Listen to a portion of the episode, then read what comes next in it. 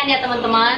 Oh iya, buat teman-teman nih, buat sekarang ya kurang-kurangin dulu deh kegiatan yang ada di luar rumah. Nah, dan jangan keluar rumah dulu kalau nggak yang penting-penting, oke? Nah, pada malam hari ini kita akan langsung mulai aja acaranya satu jam lebih dekat dengan kabinet reparasi kita Udayana. Acara ini akan berlangsung selama satu jam ke depan teman-teman bersama aku Regina, aku dari Fakultas Hukum angkatan 2019. Nah, sekarang kan kita lagi live nih ya. Coba deh cek dulu nih penontonnya udah banyak belum sih? Kayaknya 27 wah kayaknya masih sedikit nih ya kak ya. Kalau gitu buat teman-teman nih yang udah nonton, ayo dong ajak teman-temannya semua biar kita bisa nonton bareng dan kita langsung mulai aja nih acaranya. Tapi sebelum mulai, aku mau kasih tau dulu teman-teman kalau kita akan membuka Q&A. Jadi kita akan menjawab setiap pertanyaan teman-teman semua dari postingan yang kemarin ada di Instagram kita Bemudayana dan juga kita akan membuka Q&A secara live. Jadi buat teman-teman yang punya pertanyaan nih, yuk langsung tulis aja pertanyaannya di kolom komentar live-nya sekarang nih. Biar dijawabnya langsung nih sama Kak Satya dan Kanata. Dan oh iya ada satu lagi nih, ada rewardnya buat penanya terbaik. Jadi tunggu apa lagi yuk? Langsung aja di komen ya teman-teman. Oh ya, dan kita juga bakal ada games. Nah, gamesnya ini juga bakal ada rewardnya nih. Jadi tetap stay tune ya nyampe akhir.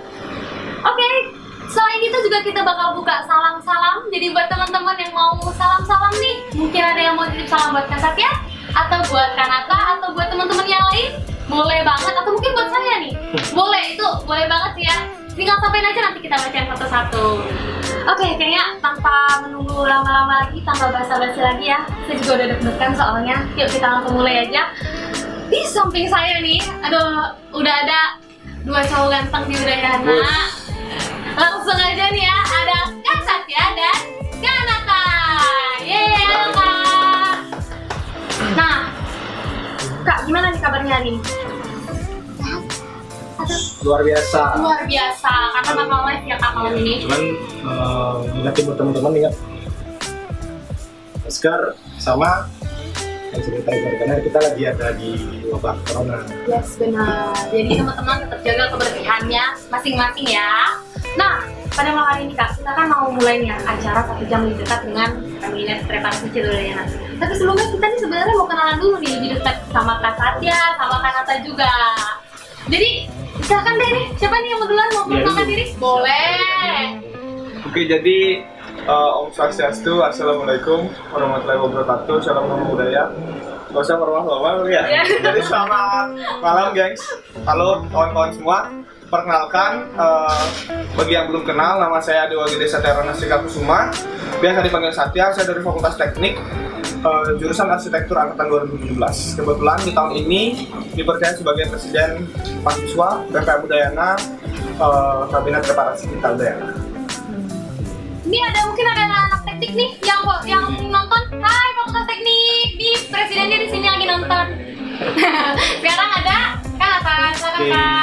halo selamat malam namaste pencegahan corona Eh, perkenalkan nama saya Wenata Kusuma teman-teman bisa panggil saya Nata kerap pas disapa Nata dari pertanian 17 Oh. jurusan agribisnis Mana di Fakultas Pertanian? Hai.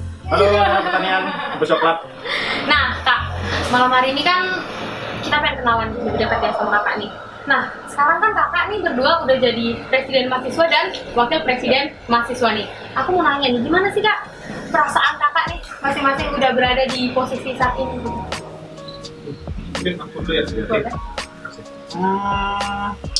Kayaknya pakai aku aja biar lebih akrab sama teman-teman semua. Jadi pertama dari awal saya masuk Udayana nggak pernah menyangka ternyata uh, aku bisa ada di posisi yang sekarang sebagai dipercaya oleh kawan-kawan mahasiswa sebagai presiden mahasiswa kabinet reparasi kita. Uh, memang nggak pernah ada niatan untuk sana untuk ke untuk sampai pada titik ini sebelumnya. Cuman ternyata Uh, kalau ditanya perasaan tentunya ada senang, ada cemas, ada grogi juga karena itu tadi aku gak pernah menyangka ada di posisi yang sekarang tapi ya terima kasih karena kemarin pada saat pemira ternyata kawan-kawan mahasiswa mempercayakan kami berdua untuk memimpin uh, BPM ini, memimpin kabinet ini untuk 10 tahun ke depan Kalau kenapa? Gimana nih perasaannya? Yoi. Eh, kalau kakak sih, aku ya aku ya. Kalau aku sih sebenarnya hampir sama eh, kayak Kak Satya.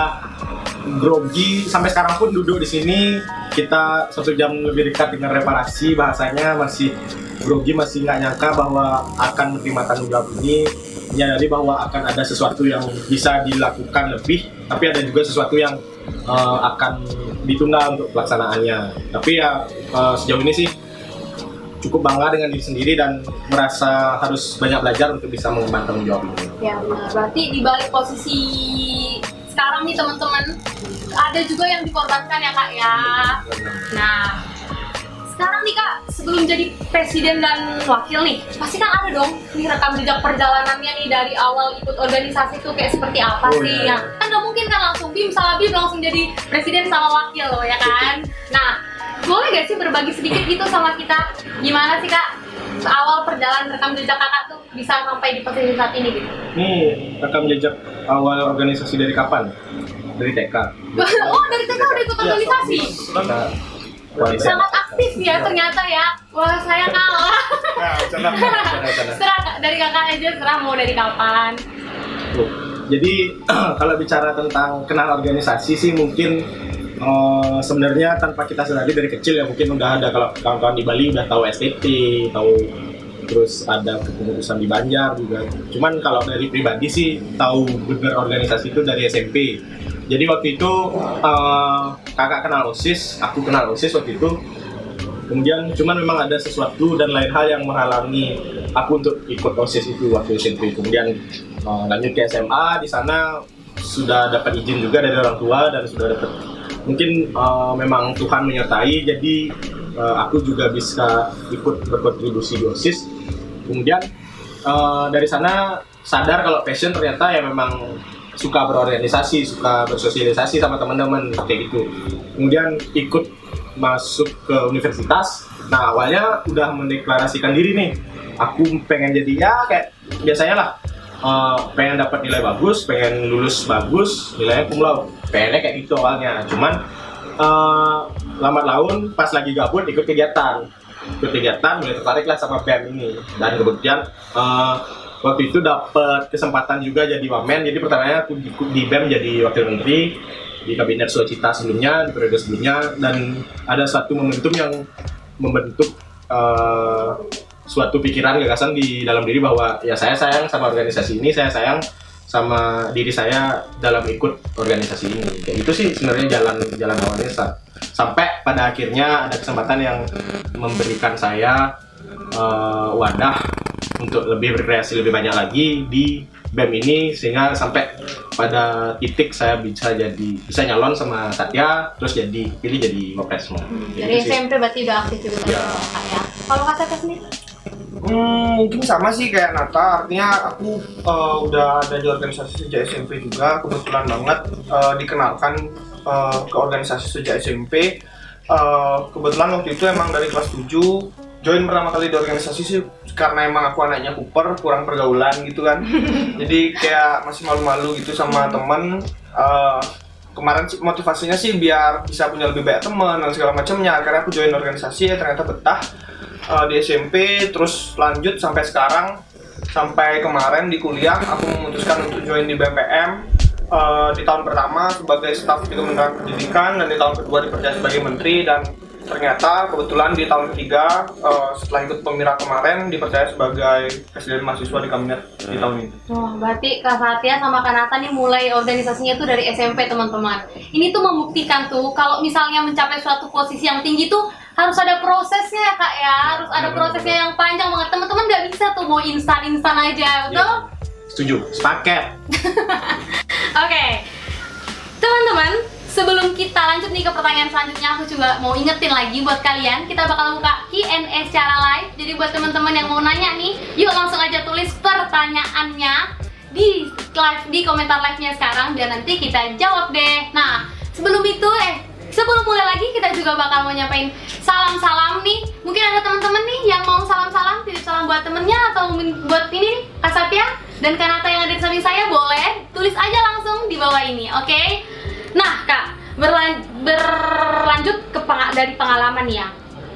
kan pengalamannya udah banyak banget nih berarti di BMPM kan. Nah, awal mula nih yang bikin kakak punya niatan masing-masing nih untuk kakak mencalonkan diri sebagai presiden mahasiswa dan Kanata mencalonkan diri menjadi wakil tuh apa sih niatan awalnya? Terus yang bikin kalian berdua nih cocok nih apa gitu? Yang bikin Yes, klop cocok. banget buat menjadi seorang partner gitu. Hmm. Apa sih? Oke. Kak, dari dia dulu. Ya. boleh. Kalau dari aku, eh, pertama secara kebetulan memang di artinya kalau aku sih percaya mungkin memang jalanku di sini. Dan di tahun pertama dikenalkan oleh BEM dikenalkan oleh BEM dan dan langsung terjun menjadi staf di BMPM di tahun kedua juga di kesempatan diberi kesempatan lagi sekali untuk berproses se- sebagai seorang menteri pendidikan. Artinya aku merasa eh, sudah banyak banget BEM atau Udayana ini memberi wadah untuk berproses. Sudah sangat banyak banget eh, Udayana dan BMPM ini ngasih aku eh, kesempatan. Maka dari itu kenapa aku pengen ada di tahun ketiga lagi? Sebenarnya itu semangat di semangat pertama bukan semangat untuk mencalonkan diri tapi semangat untuk ada di tahun ketiga untuk BMPM ada di tahun ketiga untuk Udayana karena apa? Karena aku rasa eh, di tahun ketiga ini Musa aku masih bisa memaksa dalam tanda kutip memaksakan diriku lagi untuk ngepush diriku lagi ada di tahun ketiga untuk ngasih eh, istilahnya timbal balik untuk ngasih apa yang udah Udayana dan BMPM kasih untuk untuk apa ya? Mengembalikan jasa-jasa BMPM dan Udayana itu sih sebenarnya semangat awalnya kenapa? Dan kenapa aku pengen ada di tahun ketiga. Dan tapi ternyata setelah dilihat-lihat lagi eh, ad- di kesempatan di tahun ketiga ini ada kesempatan untuk mencalonkan diri, ada kesempatan untuk mengikuti pemilihan. Akhirnya aku ya udah ada kesempatan nih eh, untuk di tahun ketiga melalui mencalonkan diri eh, sebagai calon presiden dan wakil presiden dan kebetulan eh, udah lumayan dekat juga sebelumnya sama Nata dan ternyata Cocok. cocok dan maulah Mau Ya. diajak jadi partner. Jadi eh, kalau dari aku sih sebenarnya kenapa kan tadi pertanyaan kenapa sih ada niatan untuk mencalonkan diri ya? Eh, sebenarnya niatan untuk mencalonkan diri sih enggak. Awalnya enggak memang enggak. Tapi eh, seperti yang aku katakan tadi, eh, yang kakak katakan tadi, eh, ada satu momentum yang eh, membuat diri kakak kakak percaya kalau kakak sayang sama organisasi ini dan kakak juga mendeklarasikan diri jika di tahun depan di periode eh, setelah suacita kakak dibutuhkan sebagai apa pun itu kakak siap kok membantu kakak sa- bakal siap membantu eh, sebisa kakak eh, sekuat kemampuan kakak saya siap bantu dan waktu itu emang eh, nggak ada keinginan untuk nyalon nah kebetulan lah manusia ini nelpon dia malam-malam Oh, apa tuh Nah. Katanya? Nat, di mana? Ah. Pengen ngobrol. Ah. Wih, sosok serius kan? Ah.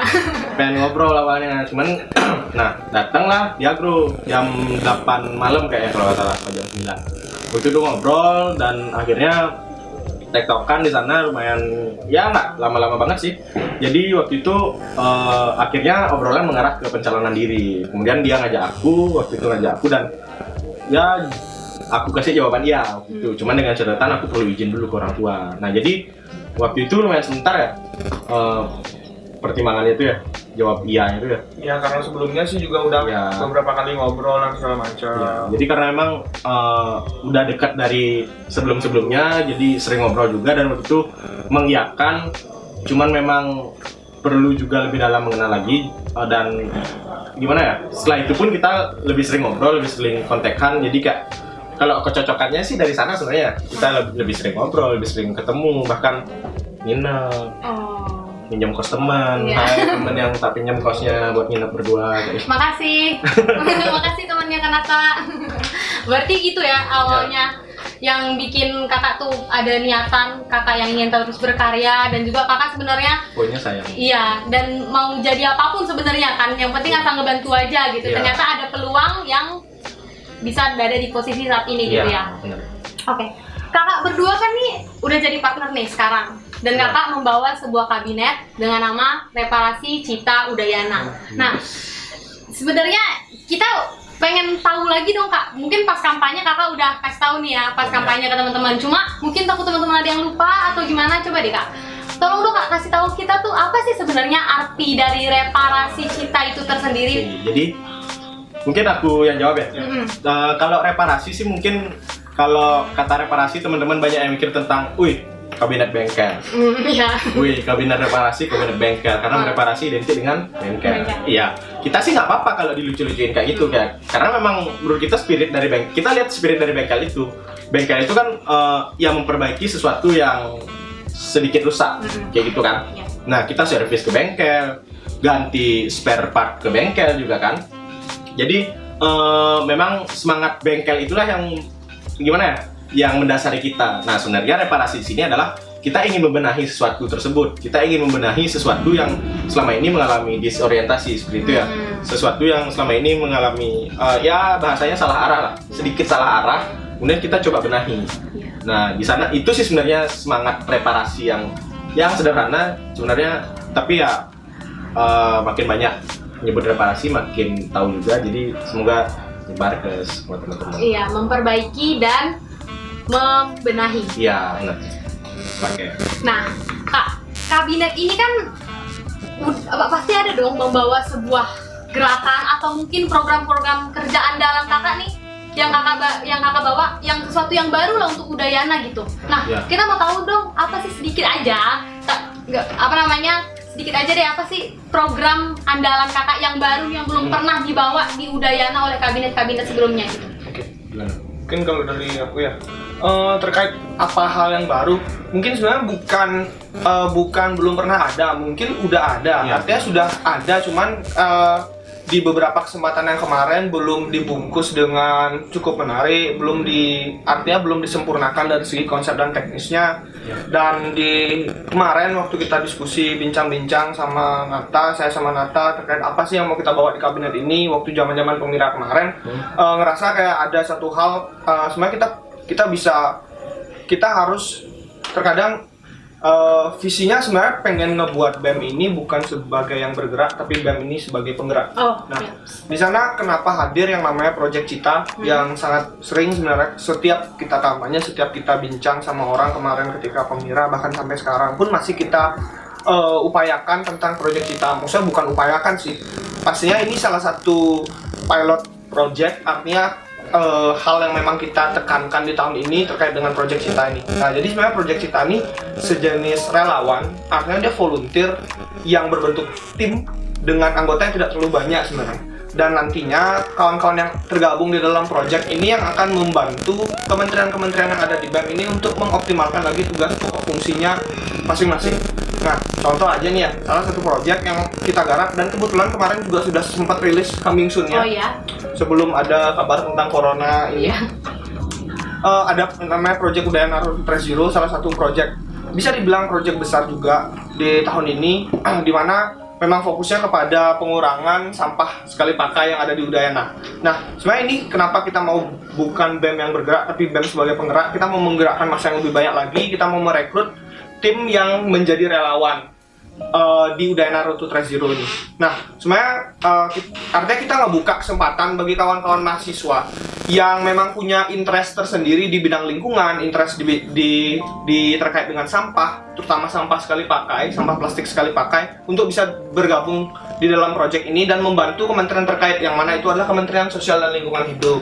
Nah, jadi mereka tim project beserta kementerian ini yang nantinya akan bekerja selama jangka waktu satu tahun untuk mengkampanyekan, untuk mengupayakan eh, minimalisirnya penggunaan sampah plastik sekali pakai. Melalui apa? Melalui diskusi, melalui pengadaan refill air per jurusan, per fakultas dan per jurusan, melalui apa namanya kampanye-kampanye kreatif ada bank sampah juga di dalamnya dan ada Udayana Clean Up namanya di mana itu ada beach clean up dan ada kampus clean up. Nah itu salah satu contoh proyeknya dan masih banyak lagi di sektor-sektor lain sebenarnya. Misalnya di sektor pengembangan sumber daya mahasiswa ada kelas reparasi, proyek kelas reparasi dan proyek reparasi talks. Di bi- bidang budaya ada proyek revitalisasi budaya eh, di project di riset ada project eh, riset populer dan masih banyak lagi project-project yang lain yang ingin kita bawa di tahun ini ingin kita kenalkan yang mana harapannya bisa dikembangkan lagi di tahun-tahun selanjutnya supaya maksudnya gini artinya supaya kita di mahasiswa supaya kita di eh, di lembaga eksekutif mahasiswa ya supaya tidak terlalu artinya terlarut dalam hegemoni eh, kegiatan-kegiatan seremonial ya yang seperti banyak kita ketahui lah Iya, iya. Jadi poinnya sebenarnya dari project ini kita pengen merangkul kawan-kawan di Udayana lagi sebenarnya. Dan balik lagi yang dibilang Satya tadi sebenarnya ini sudah pernah dilaksanakan cuman mungkin kurang disadari ya. Dan project ini coba kita bangun biar semangatnya adalah bukan lagi BEM yang bergerak bukan lagi BEM yang buat acara tapi ya mahasiswa Udayana Ya, benar banget. Wah, banyak banget ya teman-teman ternyata program-program baru nih yang dibawa sama Kabinet Reparasi Cita. Tapi balik lagi kayak yang tadi dibilang sama Kak Satya, yang diharapkan dari program ini adalah BMPM tuh bukan sebagai bukan yang bergerak tapi menjadi penggerak dan kita juga BMPM juga butuh teman-teman ya kak ya Iya. butuh teman-teman mahasiswa yang lain buat bantu ayo kita mensukseskan mensukseskan bareng-bareng program ini ya kak ya nah sedangkan nih kak aku mau nanya nih kan ini sekarang kan lagi marak-maraknya nih kak ya isu-isu bukan isu sih lagi virus Yes. corona atau Mantap. covid ya ya, ya, 19 ya. nah aku pengen nanya nih kak sebenarnya dengan adanya virus atau covid 19 ini otomatis pasti bakal berdampak dong kak buat program-program kerja yang udah kakak sebutin tadi nih nah program-program kerja yang udah kakak sebutin apa sih dampaknya kak sama covid ini dan apa program itu bakal tetap berjalan atau mungkin kalau mungkin berjalan dalam seperti apa mungkin kayak gitu Iya. kita pengen tahu Oke. Eh, mungkin gini ya, artinya eh, balik lagi virus ini, wabah ini tidak pernah kita duga. Artinya saya pun ketika Pemira mencalonkan diri kemarin tidak menduga Tidak. ada Ya. ternyata, ternyata adanya ada wabah seperti ini. Tapi ya ar- mungkin bisa dibilang ini keadaannya sedikit memaksa di mana hari ini eh, pembicaraan kita adalah tentang bagaimana kesehatan menjadi prioritas utama. Artinya kita harus mendahulukan kesehatan, kita harus mendahulukan terkait dengan upaya-upaya untuk pencegahan penyebaran virus ini. Makanya eh, BEM, BEM kemarin juga sempat kemarin atau tadi saya eh, saya lupa eh, ngerilis beberapa eh, pencerdasan terkait dengan social Anjuran. distancing, Oh. anjuran social distancing ya yang apa ya sebenarnya itu anjuran dari pemerintah, anjuran dari uh, pemerintah daerah juga dan anjuran dari rektorat juga dan di bidang kemahasiswaan juga dianjurkan untuk melakukan social distancing karena memang itu upaya yang memang nyata untuk mencegah penyebaran virus corona ini. Ya. Nah, dan kita di internal BEM juga uh, melakukan social distancing pula. Artinya kita juga menghimbau kepada rekan-rekan di fungsionaris seperti halnya sekarang eh, mungkin kenapa satu jam lebih dekat yang memang sebenarnya planningnya di awal itu ada membuka diskusi, Diskusi membuka agenda. pertemuan langsung tapi ternyata karena karena wabah ini Iya. karena eh, apa ya eh, ujar apa himbauan terkait dengan Iya. eh, social distancing ini ada akhirnya kita memutuskan untuk tetap diadakan tetapi melalui live Instagram Iya. dan sebenarnya kita akan tetap berjalan BEM harus melakukan kita di lembaga eksekutif harus dan semua kawan-kawan harus tetap melakukan penyesuaian buktinya ada kelas online dan segala macamnya yang dilakukan secara online Eh, memang itu bentuk upaya penyesuaian terhadap apa yang terjadi hari ini Jadi eh, sebenarnya mungkin izin nambahin sedikit. Eh, ini cuma terkait eh, kalau ditanya gimana gimana sih BEM selanjutnya apakah akan terus dilaksanakan atau tidak. Ini sih sebenarnya eh, terkait hal yang tidak kita duga sebelumnya terkait virus ini terkait musibah ini. Jadi eh, ya sebenarnya hashtag di rumah aja ke kita juga itu juga terkait upaya dalam penekanan penyebaran virus corona ini dan bu- di rumah aja bukan berarti malas-malasan dong. Iya benar. Ya kita juga harus produktif di rumah. Itu kenapa sebenarnya uh, kalau ditanya BEM ini tetap terlaksana atau enggak sih? Ya tetap terlaksana. Cuman mungkin kebiasaan uh, dalam melaksanakan aktivitas itu yang sedikit kita rubah konsepnya. Contohnya seperti tadi satu jam lebih dekat ini kita ubah konsepnya jadi live Iya. Instagram dan Ah. melibatkan sedikit orang. Karena ya harapannya kita tetap produktif, kita Iya. tetap melaksanakan suatu kegiatan yang ada esensinya, kemudian tapi kita juga e, berbarengan dengan upaya pencegahan penyebaran virus corona itu agar tidak semakin meluas seperti itu. Jadi terkait kebiasaan doang sih sebenarnya. Oh iya, jadi programnya bakal tetap berjalan tapi Ya. disesuaikan dengan cara-caranya kak. Iya, benar. Kita juga mau ingetin nih teman-teman, kayak yang tadi udah dibilang sama Kak Satya dan Kanata, tetap jaga kebersihannya, tetap di rumah aja, kurang-kurangin keluar tuh yang buat hal-hal yang gak penting ya kak ya. Ya. Wis. Kan karena kan COVID-19 ini kan bukan hanya berdampak dalam kegiatan kemahasiswaan kan, Hmm, hmm. tapi ber- berdampak juga ke kegiatan perkuliahan kita. Ya. Gimana sekarang udah diubah ke PJJ, PJJ. pembelajaran jarak jauh. Ya. Nah, menurut kakak gimana sih pendapat kakak mengenai PJJ ini? Kalau PJJ ya, Mhm. eh, pembelajaran Jarak jauh. Ya mungkin sebenarnya ini yang dari dulu uh, sudah ya itu udah udah pernah dilak- dilakukan entah itu pertemuan online oleh beberapa dosen dan beberapa mahasiswa. Cuman sebelum corona ini pun sudah berjalan. Cuman memang ini dioptimalkan karena memang upaya kita untuk penekanan penyebaran virus itu. Jadi balik lagi tentang kebiasaan. Kalau kebiasaannya kita datang ke kelas kita belajar kita presentasi kalau kalau dirasa itu eh, bisa digunakan dengan cara lain tapi dengan hakikat yang sama dengan tujuan yang sama. Apalagi kita juga bisa eh, ikut eh, mengupayakan dalam penekanan penyebaran virus corona ini. Kenapa enggak kan? Kalau kita memaksakan untuk tetap ke kelas kita kita tetap belajar ya kita juga eh, menjadi salah satu orang menjadi orang-orang yang turut menyebarkan. virus itu tanpa kita Iya. sadari. Karena memang di Indonesia pun mungkin ya kita masih sulit untuk mendeteksi orang mana yang corona orang mana yang sehat kayak gitu. Jadi terkait kebiasaan aja sih dan eh, kalau ditanya lumayan bagus upayanya dalam eh, menjaga produktivitas di rumah. jadi bukan di rumah aja jadi produktivitas eh produktif di rumah. Iya. Ya Tuh, berarti ada hashtag baru guys, bukan hashtag Yoi. di rumah aja tapi hashtag produktif Di di, rumah. rumah. Yoi. Siap. Oke. nah, Kak, balik lagi ke yang tadi COVID ini nih ya.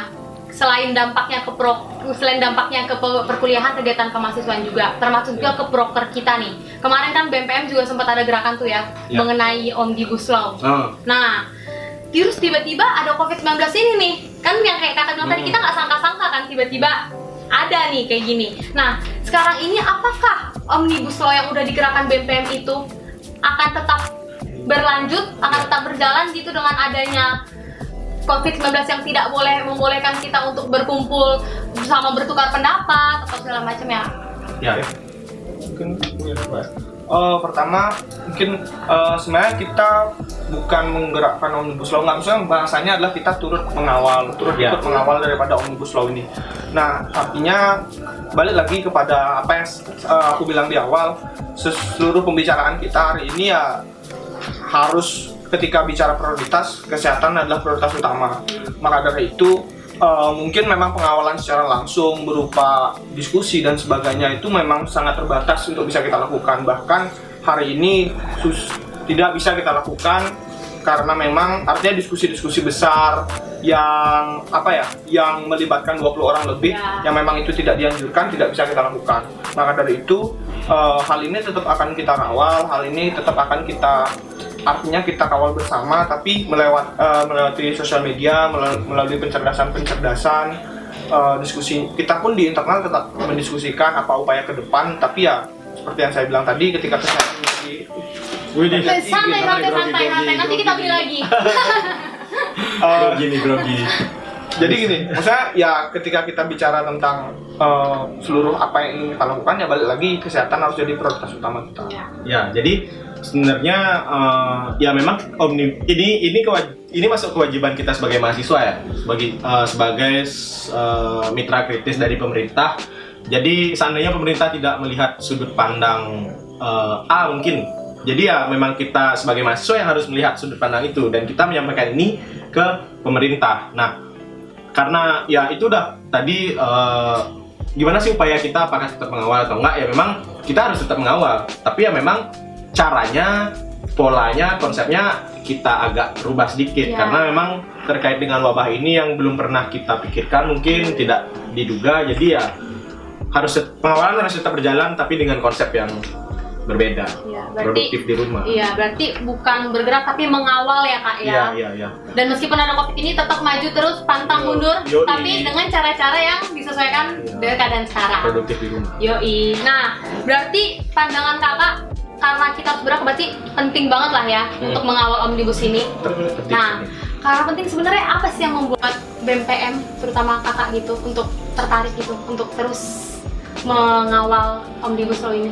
Jadi mungkin uh, aku ya bukan tertarik sih Ah, sebenarnya. ah. Jadi balik lagi ke yang saya bilang tadi, uh, kita mahasiswa kita punya kewajiban sebagai mitra kritis pemerintah, kita punya kewajiban untuk melihat sudut pandang yang tidak dilihat oleh pemerintah itu sendiri. Jadi uh, ya kita lihat omnibus ini sedikit bukan sedikit sih ya, cukup merugikan, cukup merugikan pihak-pihak terdampak. yang paling besar mungkin dampaknya bisa dilihat di oknum-oknum buruh, oknum buruh, terus eh, pers mungkin dan juga ada eh, bahasanya eh, itikat-itikat hukum yang mungkin sedikit ya dipelintir lah oleh pemerintah. Jadi memang kewajiban kita untuk tetap mengawal ini, kewajiban kita untuk ikut bersuara bahwa omnibus ini eh, merugikan masyarakat. Seperti itu sih bahasa bahasa sederhananya. Yes. Balik lagi ke fungsi mahasiswa itu ya kak, bukan Ya. cuma buat fokus ke pembelajarannya juga, tapi kita juga harus keluar ya kak ya, Ya, jadi- ikut mengawal, ikut peduli juga. Jadi bu- bahasanya bukan tertarik, ya memang kewajiban kita untuk Iya, mengawal suatu kewajiban kita ya. Bukan jadi kewajiban kita bukan cuma dalam kelas teman-teman tapi juga di luar gimana kita mengawal dan peduli juga kepada masyarakat-masyarakat ya, Kak ya. Iya, iya benar. Nah. Oke, nggak kerasa nih kayaknya udah dari tadi asik banget Wis. kita ngomong. Sampai manasan nih, mana? Iya, iya panas banget. Tapi nggak apa-apa kak, kita bakal tetap lanjut karena kita bakal seru-seruan nih kali ini. Iya. Tapi sebelum itu aku mau nyampein salam dulu nih. Ada yang nitip salam buat penonton-penonton semuanya dari at Novriansyah underscore. Salamnya udah disampaikan ya. Apa salamnya? Apa salamnya? Katanya salam buat yang nonton. Gak tahu Widih, siapa tuh yang nonton tuh. Gak tahu deh siapa yang nonton. Nah, oke teman-teman karena kayaknya dari tadi aku mulu kan yang nanya, mungkin teman-teman nanti bisa bosan ya kan? Jadi sekarang kita langsung mulai aja Q&A-nya. Kita mau buka sesi Q&A tanya jawab teman-teman yang ada di kolom komentar postingan kemarin nih. Nah, tapi sebelum itu nih, aku mau kasih tahu dulu teman-teman kalau misalnya pertanyaan yang kita pilih itu semuanya benar-benar random banget. Jadi buat teman-teman semua yang mungkin nanti udah bertanya tapi pertanyaannya nggak kejawab, pertanyaan kalian bakal tetap dijawab. Nanti kita bakal buat buatin press release-nya tentang pertanyaan teman-teman yang belum jawab. Nah, dan juga nih, karena ada keterbatasan waktu juga teman-teman, jadi mungkin pertanyaan yang kita jawab ini bakal ada beberapa aja, nggak semua yang ada di kolom komentar ya. Terus juga bakal ada reward nih buat penanya terbaik. Jadi buat teman-teman yang udah nanya, tungguin deh. Ini pertanyaannya dipilih gak ya? Bukan kepilih sih, kejawab gak ya sekarang juga? Nah, Iya, iya, iya. aku langsung aja ya. Tapi kayaknya sebelum itu kita Apa? Woi, nih ada gini. Iya. Oke, oke, oke. Nanti gimana kalau kita sambil main aja kak? boleh, boleh, boleh. Boleh, kan? Jadi nanti kamu nanya, Heeh. entah Ganti ya? Entah siapa yang jawab duluan dia Iya. main duluan ya. Iya, dia Oke. duluan. Oke, boleh. Jadi siapa nih yang jawab pertanyaan pertama? Pertanyaan pertama datang dari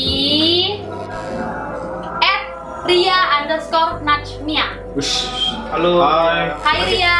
Iya, ya, Ria. Nah, kakak, menurut kakak perbandingan antara jumlah penduduk oh tentang covid nih kak. Wis, siap. Kak, menurut kakak perbandingan antara jumlah penduduk Indonesia dan jumlah pasien yang positif COVID-19 sangat jauh. Itu karena memang pasien memang sedikit atau karena jumlah penduduknya yang diperiksa itu sedikit, Kak? Wis. Cilu. Halo. Siapa yang mau jawab dulu nih? Mungkin ya. Kak, Kakak, yaudah kakak ambil dulu deh, ayo. Tapi kalau jatuh kakak jawab kan? Iya, iya, eh, enggak lah. Kalau eh, abis ini, mm, enggak kak. Kita saja ambil nih. Kalau Iya. jatuh, enggak masuk baru baru pertama kali udah jatuh ah. Enggak kan? Enggak dong. Iya. Iya, ayo, iya, ayo kak. Jangan kak. kalau jatuh ribut. Iya. Oke, jadi mungkin berat ya pertanyaannya. Maksudnya eh, kalau memang banyak sih sepertinya asumsi atau ya asumsi yang beredar terkait bagaimana pemerintah menangani corona ini dan banyak. Ya misalnya hari ini cukup banyak yang meragukan karena memang pada kenyataannya hari ini artinya tidak benar-benar tertangani dengan baik. Banyak banget eh, suspek-suspek yang bocor dan menyatakan statement kalau ternyata dia tidak dilayani dengan baik. Bahkan dia dioper dari rumah sakit satu ke rumah sakit lain dan sebagainya. Sebenarnya itu sih yang kita sayangkan. Kalau dibilang eh, menurut saya bagaimana mungkin belum bisa berani ngeklaim ya. Tapi kalau dilihat dari fenomena yang ada sepertinya memang pemerintah kita bisa dibilang cukup sedikit gagap dalam menanggapi virus corona ini. Tapi berita terbaru yang saya ketahui eh, terkait apa yang langkah nyata yang memang akan diambil pemerintah sih eh, terkait dengan suspek eh, apa? Sorry suspek lagi. Eh, tes corona massal ini. Artinya kema dua hari lalu kalau nggak salah Pak Jokowi menyatakan bahwa langkah yang diambil pemerintah adalah melakukan sus- eh, tes, Tes corona secara massal dan dengar-dengar juga Mesin. eh, mesinnya Alatnya. udah alatnya udah Sampai di sampai Indonesia. di Indonesia itu sih harapannya sih semoga dengan itu kita bisa mendeteksi lagi lebih mendeteksi lagi eh, masyarakat yang memang terkena masyarakat yang memang ter- positif sehingga bisa segera dirawat dan tidak malah dan eh, tidak menyebarkan virusnya ke mana-mana Iya. tapi sekali lagi eh, aku coba ingetin bagi teman-teman yang masih sehat, yang masih segar-segar aja, ayo kita lakukan social distancing karena memang itu langkah nyata yang bisa kita lakukan eh, untuk mengurangi penyebaran daripada virus corona ini. Ya, jadi eh, mungkin kalau pertanyaan seperti itu jatuhnya untuk saat ini jatuhnya dia baru sekedar asumsi ya. Makanya eh, dibilang Satya tadi nggak berani ngeklaim, saya pun nggak berani berasumsi terlalu detail, terlalu jauh karena memang ya fo- mungkin fokusnya eh, bisa dialihkan sekarang fokus kita sebagai masyarakat. Ayo kita ikut berupaya untuk eh, menekan angka penyebaran virus Ya. corona ini kita tetap di rumah aja, hashtag di rumah aja, hashtag produktif di rumah. Cuman ya itu kita harus jaga nih. Saya bawa hand sanitizer, terus bawa masker juga. Jadi eh, mungkin udah selesai nyalahin siapa-siapa. Mungkin kita bisa ngasih saran ke pemerintah. Ayo pemerintah kalau mau tes massal, ayo segera dilaksanakan. Dan kita pun sebagai masyarakat kita juga harus mengupayakan eh, untuk penekanan penyebaran virus ini. Jangan minta tiba-tiba minta libur, tapi eh, nongkrong, Ya, tapi ke bar, tapi clubbing malam-malam. Kan ya sama aja sebenarnya jatuhnya. Gitu sih. Oke Ria, pertanyaannya udah dijawab ya. Terima kasih. Ya, thanks Ria. Oke, pertanyaan berikutnya nih. Datang dari Ed Christine Clarissa. Kak, Halo Christine. oh ya, halo Christine tuh. Kak Nathan nggak haloin. Siapa? Christine. Hai Christine. Kak, mau nanya dong. Di mana lagi nih jual antiseptik Wush. yang harganya masih masuk akal? Terus saya jual. Atau alkohol 95% deh. Saya jual. Nyari ke mana-mana susah. Eh, tunggu sebelum jawab. Ambil dulu dong. Ini tadi apa sih? Satu merah. Ini satu kuning bisa kan? Bisa. Salah salah. Udah. Eh, Oh iya iya iya iya. ya. Wis. Satu dulu aja. Ya, ya, ya kak, ya kak, pegang ya. Nih kalau jatuh nih kita kasih hukumannya gak ya? Kalau kita jatuh Jatuh nih. Baru soal kedua nih, ya. Emang boleh pegang pakai dua tangan? Boleh dah, daripada jatuh. pegang. Wush. Wush. Gak, eh antiseptik dengan harga yang masuk akal. Masih. Masih di mana tuh? Eh, di mana Pak Pres? Sebenarnya gini, eh, kita baru dapat Info eh, beberapa hari yang lalu. Ya, eh kemarin dirilis sama teman-teman di farmasi Udayana menyatakan kalau eh, teman-teman dari farmasi sedang mencoba meracik Sudah, sudah. sudah mencoba meracik eh, hand sanitizer Sudah ada, sudah ada. sudah ada dan sedang berkoordinasi dengan BPOM terkait Ya. dengan penyebaran apa eh, produksi massalnya Eh, karena memang ada kelangkaan yang terjadi di masyarakat hari ini terkait dengan hand sanitizer dan sebenarnya dari WHO sendiri udah ngasih apa ya ngasih tutorial kok tentang cara-cara meraciknya apa saja bahan-bahan yang dibutuhkan untuk meracik hand sanitizer ini di rumah sendiri. Jadi bagi teman-teman yang kebingungan eh, nanti kita tunggu info lebih lanjut ya dari kawan-kawan farmasi seperti apa. Eh, kalau memang teman-teman kebingungan dan pengen meracik sendiri bisa minta eh, tanya ke teman-teman farmasi atau mungkin lihat langsung guide di WHO karena sudah disampaikan apa-apa saja bahan yang ideal untuk diracik menciptakan hand sanitizer buatan di buatan diri sendiri. Ya. Jadi jawabannya masih eh, ini eh, aku sih baru dapat info tadi kalau di ada yayasan namanya Yayasan Delegong, mungkin tepatnya di Samu, Singapadu Kaler. Eh, itu masih jual hand sanitizer berapa mili ya? Eh, Botol kecil. 250 ml harganya 26.000. Jadi eh, emang itu produksinya rumahan dan harganya 26.000 masih worth it lah untuk harga sebuah hand sanitizer dan eh, mungkin teman-teman seperti dikatakan tadi kawan-kawan di farmasi juga udah mulai eh, membuat eh, hand sanitizer skala rumahan dan teman-teman juga bisa cek videonya banyak sebenarnya di YouTube videonya dan kalau memang mau membuat akan lebih baik. Kita buat di rumah kita racik di rumah daripada beli kan costnya juga akan lebih murah di rumah.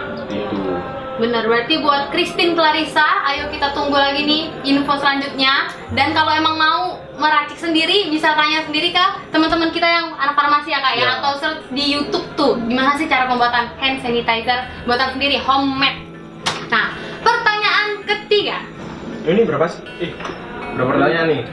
hmm, tiga mungkin atau empat? Oke, Kayaknya oke, boleh oke. berapa aja, boleh berapa aja kan kak? Oke, Kan oke, oke. lihat waktu juga. Eh, Oke, iya. Oke, pertanyaan ketiga. Ini nggak diambil dulu. Tanya aja dulu. Ini siapa yang mau jawab dulu? Eh enggak. Oh, nanya aja Eh, dulu. nanya aja dulu. Datang dari Naomi Claudie. Hai Naomi. Halo Naomi. Hai, Naomi. ya, nggak dibilang nggak siapa lagi. Hai Naomi. Oke. Oke. Kakak berdua kenapa terlihat dingin banget? Wush. Biar berwibawa. Wush. But first impression is important. Gimana kalau kesan berwibawa dan disegani itu akan tergantikan dengan takut? Hehehe. Hehehe, udah. Gimana tuh kak? Ya, jawab. Oh ya udah. Kak kak. Ini sekarang. Yaudah. Ini apa tadi terakhir? Satu, Satu biru. Eh satu Satu satu biru. satu biru kan tadi? Ya, satu biru. Aduh. Dua tangan aja. Nah, kan gampang. Ini sebenarnya biar nggak banyak tuh guys. Iya iya. Ayo kak. Eh, mungkin tadi Naomi ya Naomi. Iya, Oke Naomi. mungkin eh, sebenarnya nggak usah canggung-canggung Naomi kalau misalnya ketemu kita kita sebenarnya santai bahkan di sini panas. Kita hangat kok. Hai Naomi. Kita, kita hangat kok. Kita siap eh, menerima obrolan-obrolan santai.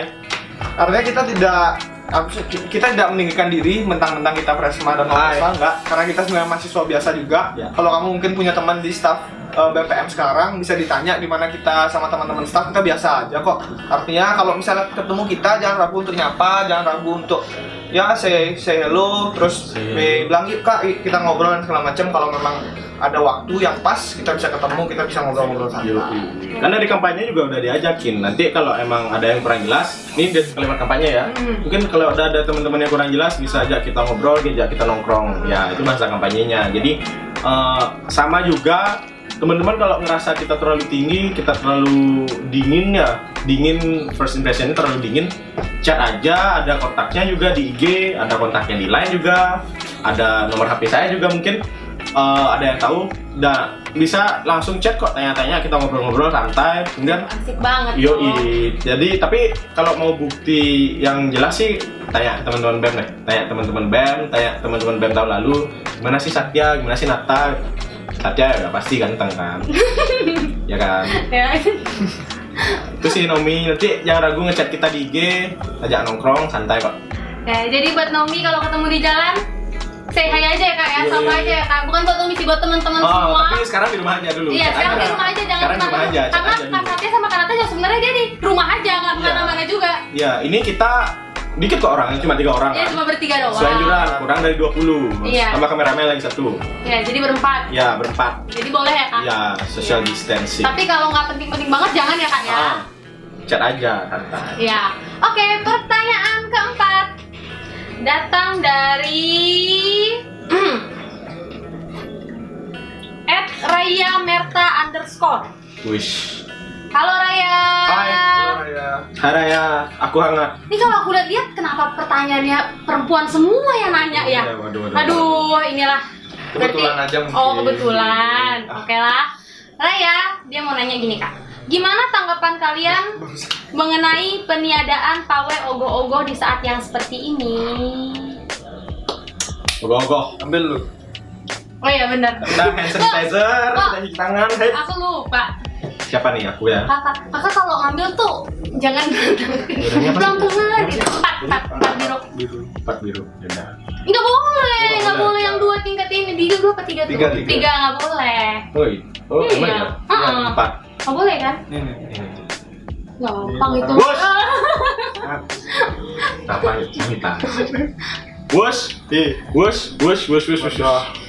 Apa? Parah, parah. Iya, ya, udah ini mah robo ini. Ribut-ribut. Ah, kasar. Terus, iya, iya, iya, iya. Ya, ya, ya, ya. Ya, ya.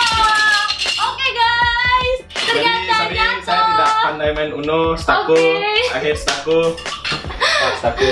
Oke lah, kalau gitu karena sudah hancur unonya guys, kita jawab. Iya, iya, Aku iya. jawab ya? Iya, Oke. jawab. Terkait pawai ogoh-ogoh, lagi rame nih di Bali, lagi rame. Mungkin, Rame. eh gimana ya? Saya juga sebagai orang Bali sedikit gimana ya berpikir, wih, ogoh-ogoh nggak ada nih. Budaya kita dari tahun ke tahun dari tahun 70-an setahu saya. Nggak ada nih tahun ini nggak ada terkait virus corona. Sebenarnya eh, jujur di eh, lingkungan tempat saya tinggal pun banyak yang protes juga kenapa ini tidak ada kenapa tradisi ini tidak ada. Tapi balik lagi ke yang dibilang Satya tadi kesehatan adalah prioritas utama. Dan eh, saya rasa juga kalau mempermasalahkan budaya ini tidak dilaksanakan Tuhan marah lah entah apa. Jadi eh, setahu saya eh, eh, leluhur pun akan memaklumi tentang budaya yang sedikit kita kurangi untuk saat ini karena memang terkait wabah ini. Karena memang eh, terkait skala prioritas juga ada ogah-ogah ada eh, Keramaian. ada Keramaian.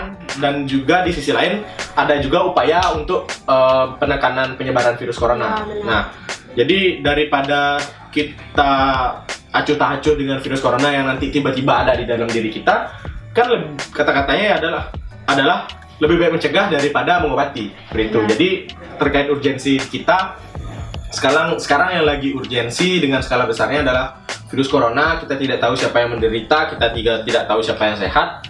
Lebih baik kita di rumah aja dulu kita diam di rumah. Seandainya memang ada tradisi yang memang harus dilaksanakan mungkin ada eh, landasan lontarnya landasan eh, kitab eh, kitab sucinya ya mungkin kita laksanakan. Cuman memang eh, kita juga harus tetap memperhitungkan kehigienisannya makanya mungkin Eh, seperti sekarang kita diskusi kita tetap ada standar kita harus pakai hand sanitizer kita pakai masker mungkin sekarang lagi dilepas aja jadi sebenarnya ini tidak begitu masalah karena memang eh, ini terkait upaya kita untuk penekanan penyebaran virus corona seperti itu Bener sih kalau kata Kak Nata karena ini kan setahun sekali ya Kak ya. Terus Ya. tiba-tiba nggak ada kayaknya gimana? Karena jujur aku juga kan bukan dari Bali ya. Jadi Ya. pengen lihat nih ogo-ogo nih kayak Ya. gimana sih sebenarnya gitu. Jadi aku juga menyayangkan teman-teman cuma balik lagi karena keadaan yang seperti sekarang. Mari kita sama-sama menyesuaikan, Ya. mencegah penyebaran itu itu sendiri ya Kak ya. Oke, pertanyaan Q&A dari postingannya udah selesai. Terima kasih buat teman-teman yang udah nanya Dapat. lewat kolom postingan. Ya, ya? Nanti bakal diumumin nih teman-teman pemenang dari pertanyaan terbaik sesi satu ini. siap Nah, selanjutnya kita bakal mau main games. Mau game apa nih? Iya, kita kan bakal udah mau- hancur Iya, ini kan game sama kita. Oh. Sekarang kita mau main game sama teman-teman yang nonton. oh siap Tapi sebelum itu, aku mau nyampain salam-salam dulu nih. Ternyata Gilva ada yang ngirim salam juga nih kak. Siapa? Narayani Semara. Salam semangat moderator. Widih dapat salam. Wow, bukan aku. Terima kasih Nara. Ini buat Kak Satya Nih guys atau malu-malu? Ini mah kayaknya saya rata-rata malu-malu ini kak. Ini kayak malu-malu nih. Tapi nggak apa-apa kok teman-teman, santai aja ya kan kak. Nah, sekarang karena aku mau lanjut ke games teman-teman. Games kita sekarang ini, games kita sekarang ini bakal ada dua pertanyaan kak. Dan nanti yang bisa jawab dengan benar langsung dapat hadiahnya. Wih. Nanti di akhir acara ini kita bakal umumin siapa sih yang menang. Nah, jadi buat teman-teman nanti yang tahu jawabannya langsung aja tulis di kolom komentar kalian sekarang, oke? ini yang dapat yang tercepat atau ter apa? Tercepat. Tercepat Siapa ya? yang tercepat jawab Dan pertanyaannya dan benar Oke. langsung. Standby deh, standby, standby. Step by step teman-teman. Ayo. Kakak Kak. ikutan deh, kakak ikutan. Iya, ini di sini udah ada nih kak nih. Ada toples yang isinya pertanyaan-pertanyaan. Mau dikocok dulu? Oh siap, langsung lanjut. Oke. Nih ya, bakal diambil dua pertanyaan. Eh, tumpah. Siapa mau duluan? Iya. Oke, kasih Ya. Diambil. Kasih aja dulu. Susah. Ntar. Pertanyaan pertama. Apa warna bendera Fakultas Pariwisata Universitas Udayana? Ayo, gambar. Warna Oh, bendera. aduh, ini mah ini mah tutup mata juga bisa ngetiknya udah hafal kipet. Tuh, warna satu. bendera pariwisata Universitas Udayana. Ya, teman-teman, aku ulangin sekali lagi. Apa warna bendera Fakultas Pariwisata Universitas Udayana? Yang tahu jawabannya ini, ayo sekarang langsung tulis di komen di kolom komentar live-nya. Nanti bakal kita cariin siapa nih yang paling cepat yang bisa Siap. jawab. Dan nanti di akhir acara bakal kita umumin. Siap. Nih, karena nanti kita bakal pilih dan kita umumin di akhir acara dari pemenangnya. Siap. Oke, sekarang kita mau lanjut lagi ke sesi Q&A.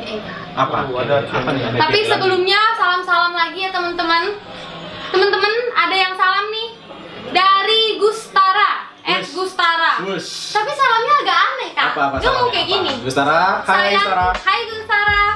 Sayangnya sama BMPM, sayang sama dia kapan? Wush. Wah, ini kayaknya Gustara lagi Gustara lagi galau. Ay, lagi galau-galau gitu Gus, nih. Gus? Di rumah aja. Oke. Oke, berarti kita lanjut ya ke sesi tanya dah, jawab ya. Ya. Tanpa menunggu lagi, mungkin teman-teman juga penasaran kan, duh pertanyaan aku di ini gak ya? Jawab gak ya? Dijawab kok teman-teman, tenang aja. Nih rada-rada seru nih kok pertanyaannya nih kak. Ahem, ham. Ham ham ham. Dari kak, dari Adit Febriansyah. Waduh, siap. Kakak lebih suka puding regal atau puding oreo? Jadi mungkin ini Adit Febriansyah siapa ya? Mungkin bisa langsung chat saya, Kirimin dah. kirimin Apa contoh fotonya. Iya. Kalau kamu mau bisnis bilang terus terang. Heeh. Maupun apa sih? Kakak itu lebih suka puding regal atau puding oreo? Saya suka puding gratis. Oh, berarti apa aja suka yang Apa aja gratis? suka yang jelas gratis. Oke, kalau Kak Sepia? Sama. Oh, sama. Saya suka yang gratis. Oke, berarti suka yang gratis. Kalau enggak, kalau mungkin Adit Jangan buat Kak Satya Nata doang, buat saya juga boleh ya. Saya juga suka kok yang gratis-gratis, namanya juga anak kos ya. Jadi suka kok yang gratis-gratis. Oke, pertanyaan kedua. Aduh, ini nih Kak, seru nih Kak Apa pertanyaan apa Kak. apa. apa. Satya Nata udah punya doi belum? Wush. Uhuy, dari Wush. preman babat underscore. Siapa? Preman babat underscore. Wush. Hai Kak Preman Babat. Jadi gimana nih kak? Kak Satya dan Nata udah punya doi belum? Uhuy, dia ngomong gitu. Saya sudah. Oh, Saya sudah. Asik. saya sudah lock. Ya, berarti buat teman-teman, aduh, buat wanita-wanita jangan potek-potek ya, karena masih ada satu harapan lagi nih. Wih, yang sini. satu udah sold out. Ini kan ganteng kan? Saya kan ganteng. Iya, yang satu udah sold out nih. Yang satu lagi gimana nih kak? Saya rasa itu tidak perlu dijawab. Wush. Jangan gitu dong ini. Terus. Teman-teman kan nanya, ini sebenarnya pengen tahu nih. Gimana Kak ya? udah punya belum? Ya, Dia Aduh. belum sebenarnya. Udah jawab. belumnya ini bisa nyesuaiin soalnya. Oh, jadi Tergantung oh siapa yang berarti, nanya. oh berarti intinya lagi PDKT. Enggak, enggak. Oh, enggak juga. Tergantung siapa yang nanya. Jadi kalau cowok nanya, bilangnya udah. Udah. Kalau cewek cewek nanya, nanya, bilangnya belum. Oh, kalau aku yang nanya, kamu udah punya pacar belum? Belum. Hmm, belum. Oh, belum. Oh. Ah, Berarti Jadi, buat preman babat jawabannya belum. oh ya karena preman bapak itu laki-laki ya, Kak? Laki-laki sih dari Oh, udah ya, ya benar benar benar. Berarti yang satu sudah guys, sudah sold out, maaf ya. Jadi yang potek-potek yang ini aja, yang ini belum.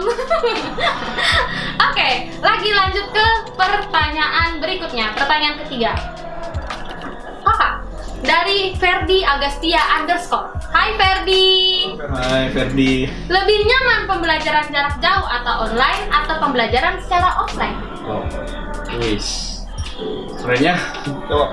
Kalau ditanya lebih nyaman sih karena memang sudah kebiasaan secara offline, ya memang kita lebih nyaman belajar secara offline. Tapi eh, ya diskusinya lebih jalan, terus kita juga kontakkan langsung sama teman-temannya. Cuman eh, karena terkait wabah ini juga kita harus mau nggak mau mencoba hal baru nih. Kita coba hal baru dengan SSC yang tidak dikurangi sedikit pun. Jadi sebenarnya lumayan menarik juga tentang PJJ, lumayan menarik juga kita diskusi secara online, kita lihat wajah-wajah doang. Mungkin ada teman-teman yang ngeprint fotonya ditaruh, jadi dia bisa tidur.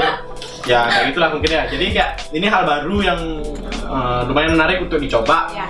Eh, kalau ditanya nyaman atau enggak sih masih adaptasi sih ya. Jadi kayak santai aja sih kita diskusi secara online.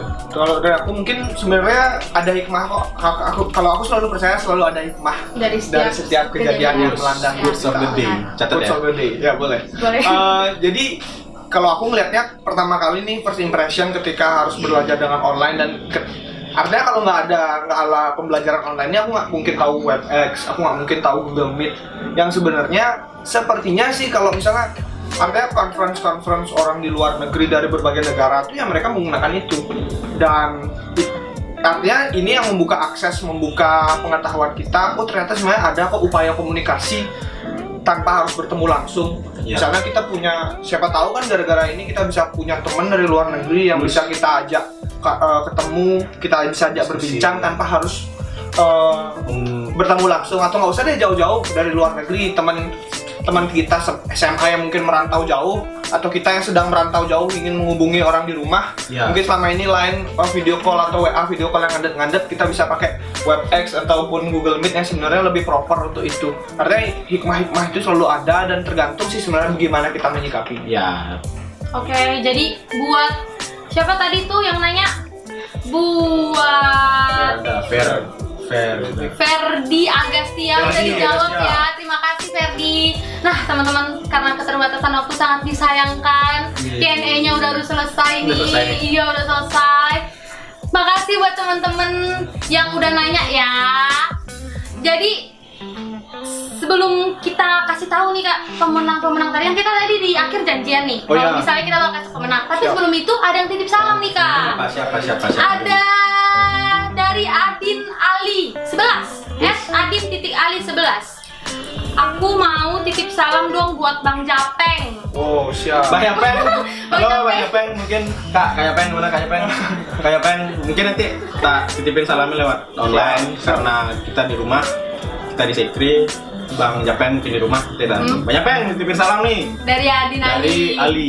Oke, makasih ya Ali Nah, yuk kak kita langsung aja nih Udah ada belum ya daftar pemenangnya? Udah ada. Oke, udah ada dong Siapa siapa nih? daftar pemenang eh tapi sebelum itu kayaknya kita harus ini deh kak harus menyampaikan rasa terima kasih kita dulu Oh, iya. buat teman-teman Thank you buat yang eh, teman-teman yang udah nonton, kawan-kawan panitia di belakang. Hai. Hai, terima kasih teman-teman Hai, thanks thanks buat teman-teman eh, panitia dan teman-teman yang udah nonton, yang udah ikut aktif juga di diskusi live tadi. Kalian keren, stay at home, di rumah aja, produktif di rumah. Uh, dari aku mungkin makasih kawan-kawan udah mau ngikutin live kita. Uh, jadi sorry sebelumnya karena semua pertanyaan tadi belum bisa kita jawab di sini karena ada keterbatasan waktu. Uh, tapi tenang aja kawan-kawan nanti akan kita jawab dan akan kita rilis setiap pertanyaan kawan-kawan yang sudah kawan-kawan ajukan sehingga ya misalnya walaupun kita nggak bisa jawab tapi nanti di luar daripada live ini kita akan rilis jawaban-jawaban dari pertanyaan kita. Makasih kawan-kawan sekali lagi mari kita uh, turut melakukan social distancing karena itu salah satu upaya uh, pencegahan penyebaran virus corona ini. Semoga virus dan wabah ini bisa segera Tertangani. uh, tertangani. Semoga vaksinnya bisa segera da- disebarkan ke seluruh masyarakat dunia dan semoga kita semoga kondisi kita semua bisa segera pulih sehingga kita bisa beraktivitas kembali seperti biasa. ya Terima kasih sekali lagi kawan-kawan. aku juga sebenarnya mau bilang makasih juga terima kasih buat teman-teman yang udah nonton semua udah support kita buat nonton jangan lupa hashtag kita di rumah aja dan produktif di rumah Yoi. Makasih juga buat Kak Satya dan Kak Nata udah banyak sebanyak cerita tentang dirinya sendiri begitu dengan kabinet reparasi Udayana. Semoga setelah ini kita semua semakin akrab ya teman-teman. Kalau ketemu di jalan jangan lupa untuk menyapa, jangan lupa say hi. Nah, sebenarnya aku juga mau cerita nih ya.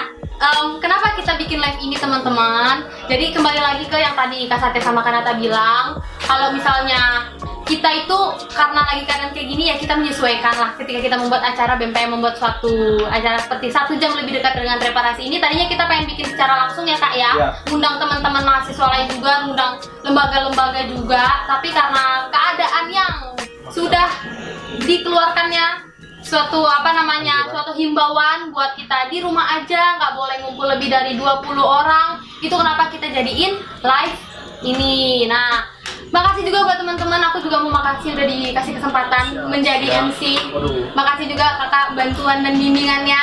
Siap. Terima kasih kembali. ya Eh, terima kasih teman-teman semuanya. Sampai ketemu